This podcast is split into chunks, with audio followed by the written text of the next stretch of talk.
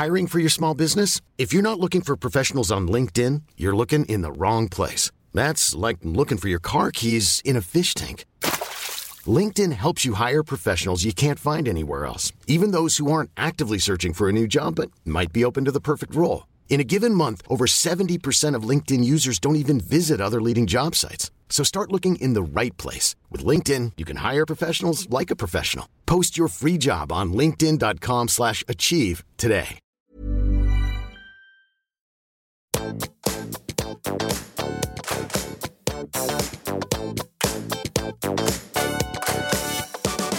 alle sammen, og velkommen tilbake til podkasten Karriereveiledning med Elaine. Ukens tema er noe I dabble with a lot, fordi jeg er jo i møte med masse forskjellige mennesker. Alt fra studenter til frilansere til ja, selvstendig næringsdrivende, som driver AS, enkeltmannsforetak, ansatt, ikke ansatt. Um, fellesnevneren er at en blir stilt en del spørsmål. Enten det er i et jobbintervju, eller kanskje ved en kontraktsinngåelse, eller i samarbeid eller møte med kunder. Men vi skal så ta for oss eh, spørsmål som en arbeidsgiver skråstrek rekrutterer, altså ikke Jeg gjentar ikke kan spørre om under et jobbintervju. Og dette har kommet særlig opp. Vi har hatt en del kandidater i det siste som har blitt stilt spørsmål om økonomi, eh, legning, ja, Eh, flytteplaner. Det er eh, masse fantastiske rekrutterere og arbeidsgivere der ute. Og det er masse gode rekrutteringsprosesser og skikkelig gode profesjonelle intervjurunder. Og så er det noe hvor det er litt sånn rusk i maskineriet, for å si det mildt. Så eh, bare vit det at en arbeidsgiver kan ikke spørre om hva som helst. Og dette har jeg også sagt flere ganger jeg ønsker å bidra til, og håper også at du som lytter, enten om du jobber med mennesker som eh, er på vei ut i arbeidslivet, som kanskje er i en jobbskifteprosess, eller om du kanskje er det også, eh, legg merke til at det er ikke sånn at den skal komme med lua i hånda. Kan du være så snill å gi meg en jobb? At den bare skal finne seg i alt. Overhodet ikke. Litt av målet her handler også om å skape likeverd, og kanskje dra ned litt den asymmetrien mellom arbeidsgiver, arbeidstaker, sånn at du like mye, selv om du kanskje tenker sånn ja, det er lett for deg å si, jeg har ikke noen valgmuligheter um, Du, og jeg tror det. Jeg vil bare løfte det opp for, sånn at den ikke skal finne seg i hva som helst. Altså Det er en sånn balanse mellom eh, tilpasning og motstand. Og du skal ikke tilpasse deg så mye at du blir syk eller kommer så langt bort fra verdiene dine og integriteten din. Da eh, tror jeg det er på tide å ta noen grep, altså. Og det er nesten eh, ingen jobb som er verdt det. I hvert fall satt på spissen. Så eh, hele poenget er det handler om at når du skal inn i intervju, eller kanskje du skal intervjue, så er det greit å vite at det må følges noen retningslinjer. Altså, og vite at dette er altså forankra i arbeidsmiljøloven. Så dette er ikke noe jeg eh, finner på. Men det er jo sånn at spørsmålene som stilles under jobbintervjuet, er jo relativt eh, både nyttige, viktige og interessante. Fordi arbeidsgiver har behov for at du skal fylle en rolle og utføre noen oppgaver, og da er det jo greit å liksom ta en avsjekk da, på om du kanskje har rett kompetanse, om du har styrkene, kanskje verdiene, egenskapene, sånn at det blir en god match. Det er jo litt av poenget. At du skal fylle en rolle som du kanskje ønsker å fylle, eller deler av rollen som du ønsker å fylle, og så er det jo noen jobber som er litt sånn ja, ja. Need to do, og ikke sånn love to do. Du, og dette har sagt før. Det er jo ting ved jobbene mine også hvor jeg kjenner sånn ja, kunne vel kanskje spart meg for noen av de delene av arbeidet. Men du, det er en del av pakka. Alt er ikke bare unicorns and rainbows. Men poenget her handler om um, Vær litt nysgjerrig på intensjonen med spørsmålene de stiller deg. Hva er det de er ute etter når de spør om um, Hva er dine svake sider, som de har lov til å spørre om? De er jo ikke ute etter at du skal snakke deg sjøl ned og fortelle hvor ubrukelig du syns du er, og hvor utrolig rotete det er hjemme hos deg, hvordan du aldri rekker bussen, at du egentlig er ganske streng med deg sjøl og har en høy indre kritiker for du aldri føler at du er god nok. Eh, det handler mer om innsikt og refleksjon i du, Har du noe utviklingspotensial? Øver du deg på å sette grenser? Er det sånn at du egentlig har tatt altfor stort eierskap til noe, eller vært altfor involvert i av det sosiale, og nå vil du ha mer fokus på jobben. Kan det være at du har sjonglert for mange baller og nå har bestemt deg for å Ikke sant? Dette er jo det et intervju handler om. En, det skal være en dialog. Ja, arbeidsgiveren er jo på jakt etter noe. Og du er jo på jakt etter noe, så hvorfor ikke tenke at dette skal være vinn-vinn, da. Og det er jo ikke bare bare å rekruttere, det koster jo skjorta ofte. Eh, masse tid, masse ressurser. Finne i hermetegn rett kandidat. Jeg blir også litt sånn svett av at man skal finne den rette kandidaten så fort som mulig, og nå må man kjappe seg. Poenget er at eh, det handler om å bli kjent. Så man blir jo lite grann kjent kanskje under det første intervjuet og andre intervju er litt mer dypdykk i hvem du er, så kan det jo komme caser, det kan komme masse forskjellig. Men hele poenget er at feilansettelser kan koste bedriften dyrt. Ikke både økonomisk, men det kan jo handle om kulturen, teamet, underbemanning, slitasje, altså på medarbeiderskapet. Så det arbeidsgivere kan spørre om, da, bare for å vri på det kjapt, det handler om det meste som er relatert til arbeidsforholdet ditt. Og det betyr at eh, av og til så kan en jo lure på hva du gjør på fritida, da. For det er lov til å spørre om. Og det handler kanskje noe om å bli kjent med en litt annen side av deg. Så kan du tenke sånn, ja, men nå skal jeg være på jobb, og her har jeg på meg jobbhatten, så hva jeg gjør privat, det er ikke så relevant. Da er det også lov til å si at vet du hva, så flott at du er opptatt av hva jeg gjør på fritiden. Um, og så er jeg litt nysgjerrig. Hvordan er det relevant for denne stillingen? Eller kan du si litt mer om intensjonen bak spørsmålet? Så vil de si sånn Jo, men nå føler vi kanskje at vi har fått en klar faglig profil. Eller vi har kanskje blitt, blitt litt bedre kjent med deg som menneske i rollen. Og så var vi litt nysgjerrig på hva gjør du for å slappe av, eller hvordan henter du deg inn? Altså, Padler du kajakk? Leser du? Strikker du? Driver du med bungee jumping? Eh, gjør du ingenting? Um, så kan man jo tenke sånn Å, det spør de sikkert om fordi de har ikke spurt meg om jeg har familie. Kanskje det er sånn de vil snike det inn.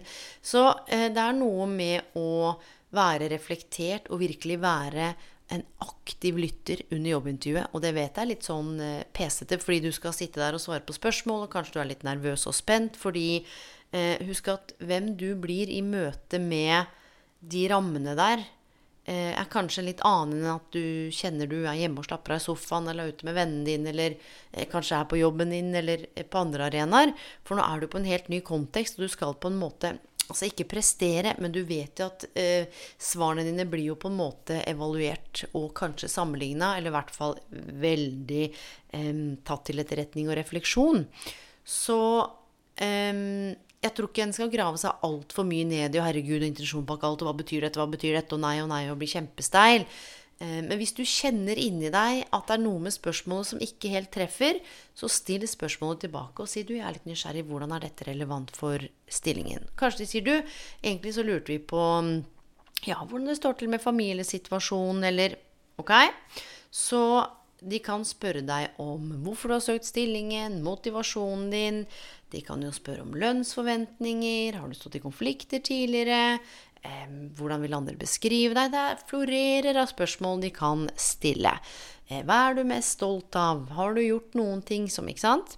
Men hør nå. De kan ikke spørre om følgende. Og dette her handler også om ikke sant, dette med å sørge for at diskriminering ikke er en del av ansettelsesprosessen.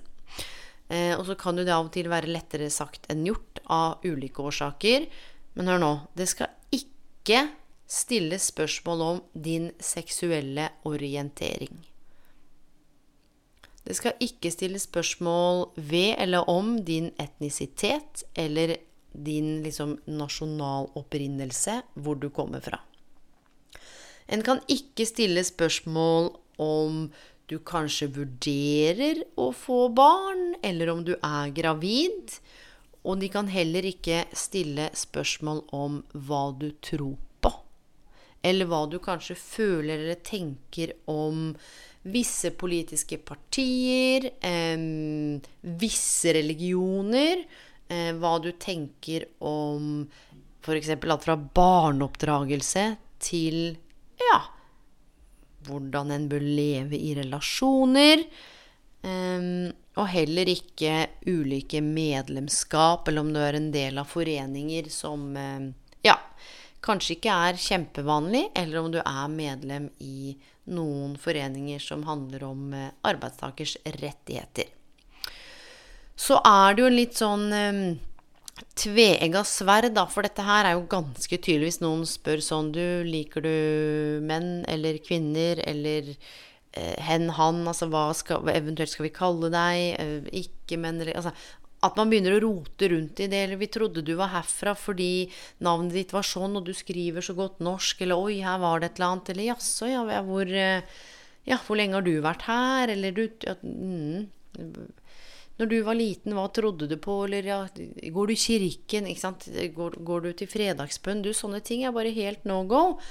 Um, så uansett, hvis det skulle dukke opp, så vet du at du kan si to ting.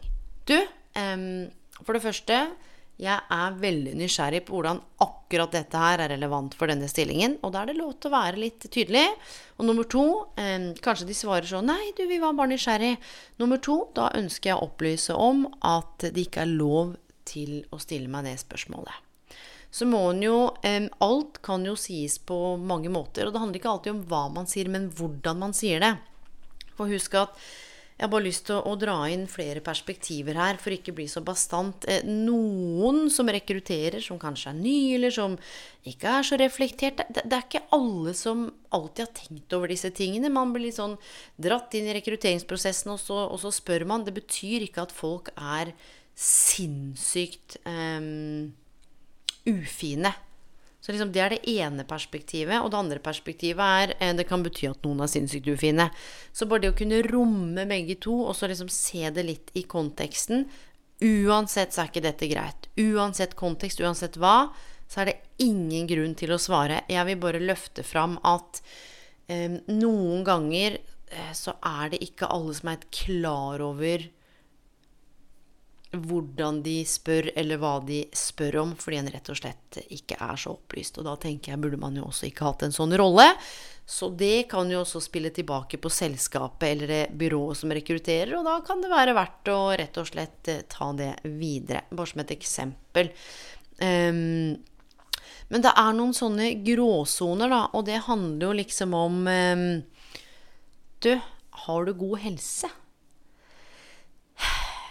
Det er jo ofte et ganske vanlig spørsmål. Um, og her har jeg jobbet med masse, masse fantastiske folk de siste tolv årene som har vært ute av arbeidslivet i lang, lang tid, i kort tid, i ulike perioder, som har måttet si opp jobben, eh, som har blitt sykemeldt, som har måttet eh, bli ufør, som har kunnet jobbe litt, men også motta ytelser, som har kunnet Ikke sant? Um, har du god helse? Hva er det som gjør at de stiller det spørsmålet? Hva er det de er ute etter? Um, for det er jo noe med det. Se for deg sjøl, av og til så må vi gå inn i arbeidsgivers rolle og tenke sånn um, Hva er det jeg trenger fra denne kandidaten? Hvordan kan denne kandidaten fylle en rolle?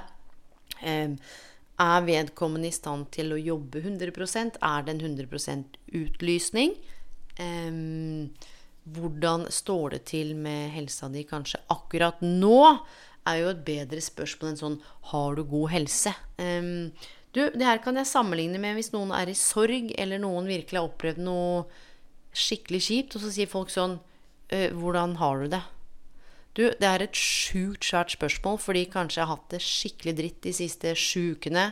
Akkurat nå har jeg det litt bra, og hvis jeg tenker på de fem neste ukene, så får jeg lyst til å begynne å grine.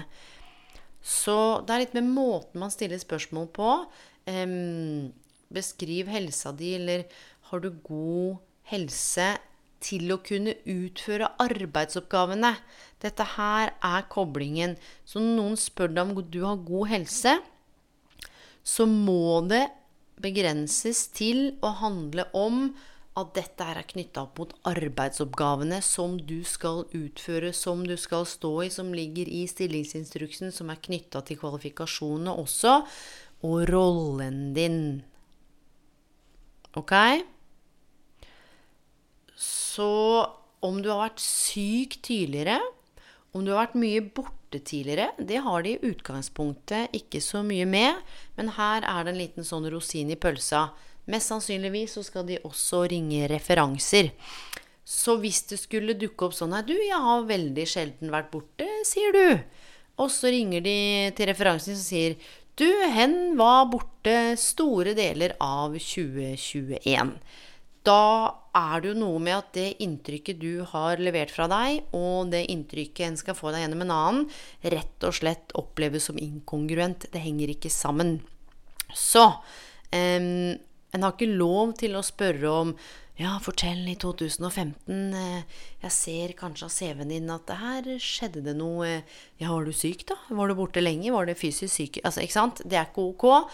Men husk at de har jo også CV-en din, og mest sannsynligvis, hvis du har eh, opplevd at livet har skjedd, så kan det være at du har skrevet eh, Gikk gjennom en tøff periode, lærte utrolig mye, Blant annet så ble jeg godt kjent med prikk, prikk, prikk, eller lærte meg å håndtere dette, eller hva enn eh, det står der. Sånn at de kan jo kanskje ha noen tanker om det, men kanskje ikke tør å spørre direkte. Så bare ha det litt sånn i bakhodet at hvis um, du har en eller to referanser som kanskje kjenner deg godt, eller skal si noen ting om hvem du var, og hvordan du utførte arbeidsoppgavene, at det på en måte henger med greip med det bildet du presenterer av deg selv. Samtidig så vil jeg si at det kan være selvfølgelig nyanser i hva referansene, tidligere ledere, kanskje kunder, samarbeidspartner vil si om deg, og hva du kanskje sitter og sier om deg selv. Så det kan jo være at, du snakker deg, altså at de snakker deg opp og syns du var verdens beste, mens du lider av litt sånn bedragersyndrom og kjenner sånn Ja, det var vel egentlig litt sånn flaks det der at jeg blei ansvarlig der, ja. Ja, nei da, nei da, men eh, ja, at du, du er jo streng med deg sjøl, mens her er noen som snakker det opp. Eller at du faktisk har levert et glitrende intervju, mens eh, du har kanskje glemt å ta en avsjekk på hva referansene skal si om deg. Kanskje ikke det var den beste relasjonen, så de sier sånn Nei, der, uff, der var det mye greier. Så bare ha det i bakhodet. Det snakkes liksom ikke ofte eh, om de to tingene. Eller det gjør jo det, men kanskje ikke akkurat på den måten her. Så bare husk at noen skal jo ikke bekrefte alt det du sier, men også gi sitt bilde av deg. Så har du hatt tidligere sykefravær, og det er en anledning til å ta opp det, så eh, gjerne gjør det, men sørg for at du eier narrativet, da. At ikke det er eh, referansen din som sier sånn 'Jeg var veldig mye borte, vet du hva, trøblete'. Og så har du ikke fått sagt noen ting. For det kan godt være at eh, du ikke var så mye borte, og at det ikke var så trøblete, men at arbeidsgiver opplevde at eh, det at du var borte, skapte ekstra eh, arbeid for vedkommende. Og så kanskje ikke klarer å ordlegge seg på en riktig måte, som slår uheldig ut for deg. Så det er noen ting de ikke kan spørre om helt konkret. Og ja, de kan dabble med helsespørsmål, bevege seg inn der, men da skal det være altså, rett og slett ramma inn i rollen du skal inn i, skråstrek eh, utføre arbeidsoppgavene. Og det er klart jeg jobba med en kar for mange, mange år siden som var keen på å jobbe med Altså jobbe på lager, men på det lageret der han ville, så var det masse tunge løft, og det var en del sånn kjipe stillinger å stå i og lagre. Og ja, greit å kjøre litt sånn trøkk, men det var en del som handla om det fysiske arbeidet. Um, det var eh, sånn drømmejobben for han da, dette var i 2013, men hadde trøbbel med ryggen. Og det er klart at det, da begrenser jo det seg litt når en har hatt et par prolapser og har litt trøbbel i ryggen, og så plutselig skal begynne å stæsje årene, så kan du si ja, men kanskje fysisk aktivitet gjør at ryggen blir bedre. Jo da. Men eh, da kan en i hvert fall ikke gå i intervju og si nei da, du, det er helt i orden, det. Hadde også en eh, sykepleier som jeg jobbet med lenge i karriereveiledning, som hadde epilepsi. Og der blei jo spørsmålet sånn Skal jeg si ifra, skal jeg ikke si ifra? Hvor vi jobbet fram, eller hun jobbet fram, da. Vi sparra om eh, Ok, hvordan kan du eie dette her, så ikke du sier sånn Ja, hvorfor har du søkt jobben? Hei, jeg har epilepsi, jeg. Ja. Um, går det an å jobbe som sykepleier med epilepsi? Trenger noen å vite det? Eh, hva er det de trenger å vite? Må jeg fortelle alt eller ingenting? Eh, har jeg noe som går over eller ikke? Um, så hun bestemte seg for å fortelle det. Sant? Så her må en kjenne litt på hva en er komfortabel med. Det er jo ikke sånn at du ikke må Hvis de sier sånn Ja, bare lurte på et eller annet, og sier du nei, det vil jeg ikke svare på. Hvis du tenker sånn ja, du, eh, sånn og sånn, og dette er jeg planlagt, eller at du er veldig åpen om livssynet ditt da, og tenker at det er en viktig del av identiteten din, så don't be ashamed. Uh, jeg tenker sånn Herregud, stå for det du står for, da. Så ikke gjør deg mindre, eller i hvert fall ikke lyv. Men hvis det er en viktig del av deg, så er det en viktig del av deg. Så får du stole på at du klarer å, kjenne etter hva som er riktig å kommunisere. Så helsespørsmål begrenses til stillingen hvis du tenker sånn du, når jeg opplever stress og press fordi jeg har kanskje kjent på angst og depresjon, og det har vært ting som har vært tøft, så er jeg ekstra var for støy, lyder eller press og stress. Og du vet at jobben innebærer sjukt høyt tempo, masse kaos, eh, masse telefoner, press, stress, budsjettet, møte med mennesker, jag. Så er det ikke sikkert at det er den beste for din karrierehelse. Men på den annen side, kanskje det er noe du ønsker deg for å kjenne på mestring. ikke sant?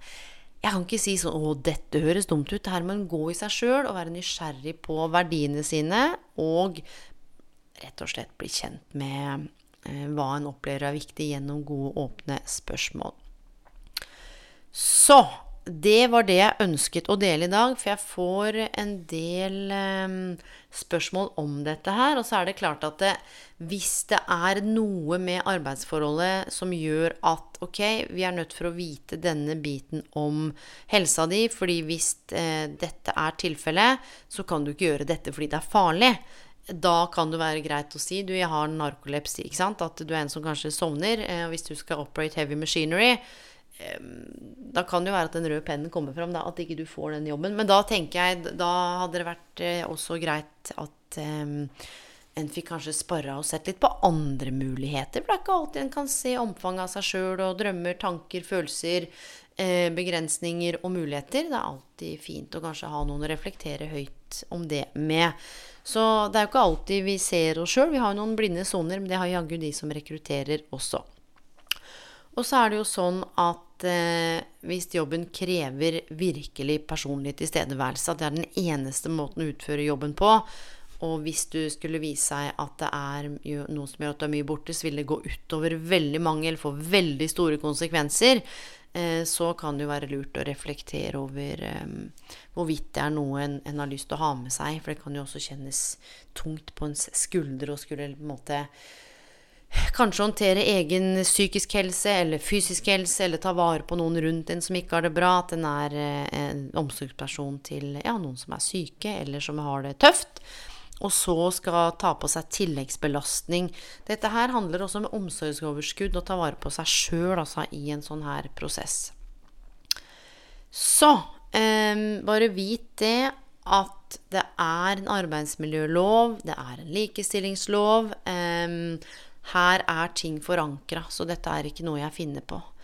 Og mine venner, jeg håper noe av dette her var nyttig for deg, enten om du jobber med veiledning, karriereveiledning, skal snakke med barn, unge, voksne om hva som kan være viktig å tenke på i arbeidslivet, eh, om du sjøl jobber rekruttering og er sjukt nysgjerrig på noe av det som ikke er lov til å spørre om, så bare don't do it. Det er ganske tydelig, og dette er ganske klare regler på, og det syns jeg er helt eh, fantastisk. Og med det så ønsker jeg deg en god kveld, god natt, god helg, eh, hvor enn du er i verden, og når enn du hører på denne podkasten. Neste ukes episode skal det være med en veldig spesiell gjest som er mitt hjerte nært. Som både skal fortelle om sin karrierereise, og som sikkert kommer til å gi oss litt frysninger og litt aha-opplevelser. Det er ingen ringere enn eh, Trine Rein, så det gleder jeg meg skikkelig til. På gjenhør.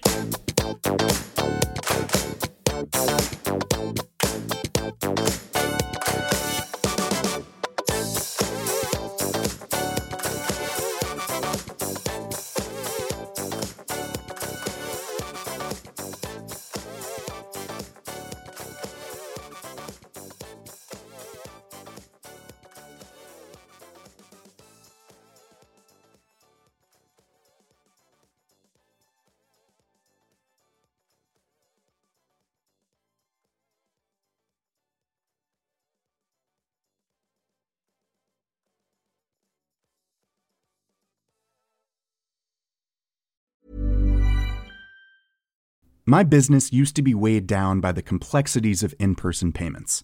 Then, Tap to Pay on iPhone and Stripe came along and changed everything.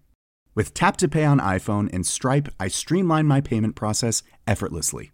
Now I can accept in person, contactless payments right from my iPhone. No extra hardware required. What's truly remarkable is how I can cater to all of my customers' payment preferences. Whether they're using cards, Apple Pay, or other digital wallets, Tap to Pay on iPhone and Stripe ensure a smooth checkout experience every time.